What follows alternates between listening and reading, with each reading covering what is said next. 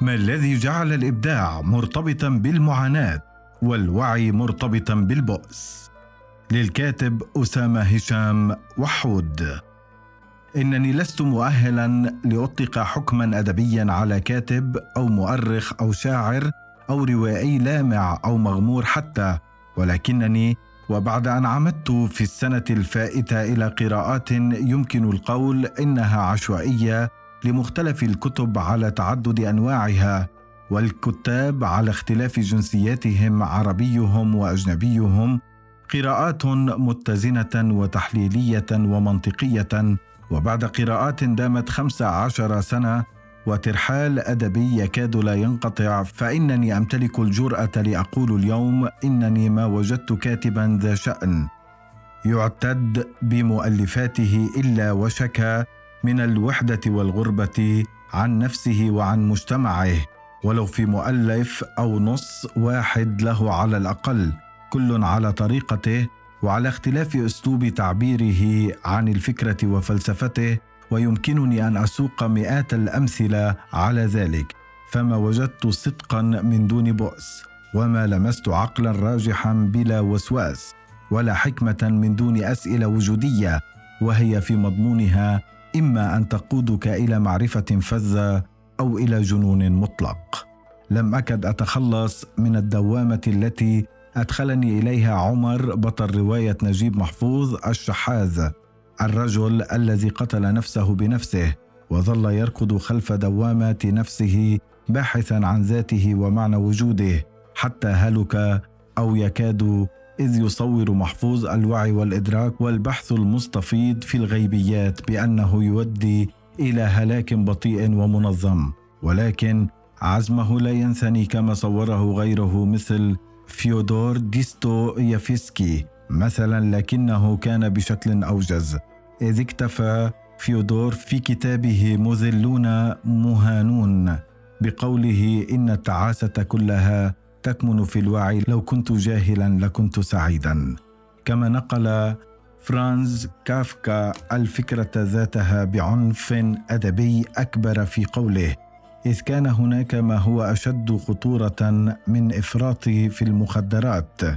فمن دون شك هو الإفراط في الوعي وإدراك الأشياء وكان قولا مقتضبا أيضا ووحده محفوظ بين أقرانه العرب من تفرد بكتابة رواية كاملة عن الفكرة وربما كانت رواية مقتضبة أيضا لا تفي بالإفصاح عن لواعج خاطره كلها.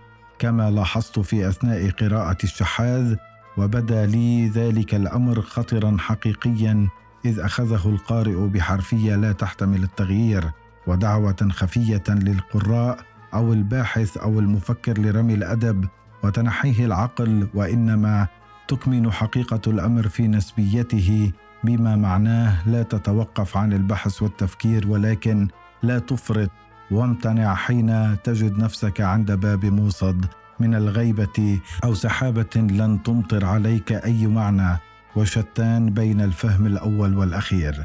وتذكرت قولا للكاتب والمفكر السعودي علي الهويرني قادني إلى صديق الفهم والإقناع به أكثر إذ قال إن الله أمرني أن أجادل فيما أرى وأسمع ولو توقف القول عند كلمة أجادل لكانت الكارثة العظمى والحمد لله أنه لخص منهجا حيويا رائعا حين أكمل قوله فيما أرى أو أسمع. وقفت مشدوها ضالا منكسرا وكنت أتساءل في سر حينها ما هذه الضريبة الباهظة الثمن التي يجب أن ندفعها لفهم العالم أو الإحاطة به على أنني أقررت بعد برهة من الزمن بأنه لا بد لنار البصيرة إلا أن تنطفئ ويختفي أوارها أبدا حتى لو اضطررنا إلى أن نجعل من أفئدتنا وقودا لها وعلى الرغم من قبولي وقناعتي بأن هناك علاقة طردية بين شدة الإدراك وتهافت المأساة على الإنسان فإنني لا أنكر أن لها كثيرا من الجوانب الإيجابية أيضا لا سيما أن مدى معرفتك وتوسعها هما ما يجعلان منك شخصا متميزا وجديدا ومبدعا في عالم مليء بالنسخ المشوهة إن صح التعبير. ومن بقعة أخرى لو سألني أحدهم ذات يوم ما الذي صنع منك هذا الرجل الذي أنت عليه؟ فإنني لن أتوانى عن الإجابة واضعا في عين الاعتبار السبب الرئيسي من دون تجاهل الأسباب الأخرى الفرعية. فساجيب إنها مأساة وإنه من واجب الإنسان الأصيل أن يؤدي الشكر الكامل والجزيل لمن كان له الفضل في تحسينه وتغييره وإنارته. بعد أن كان نجما مظلما لا يهتدى به. وعلى ذلك فإنني أعترف بأنني أحب حزني ومراحل الحياة الصعبة التي مررت بها وما زالت. وإنني حتما وكأي قارئ يهتم بما يقرأ. سألت عن السبب مئات المرات. سؤالا يطرح نفسه بنفسه. ما الذي جعل الإبداع مرتبطا بالمعاناة؟ وما الذي جعل الوعي مرتبطا بالبؤس؟ ما وصلت إليه؟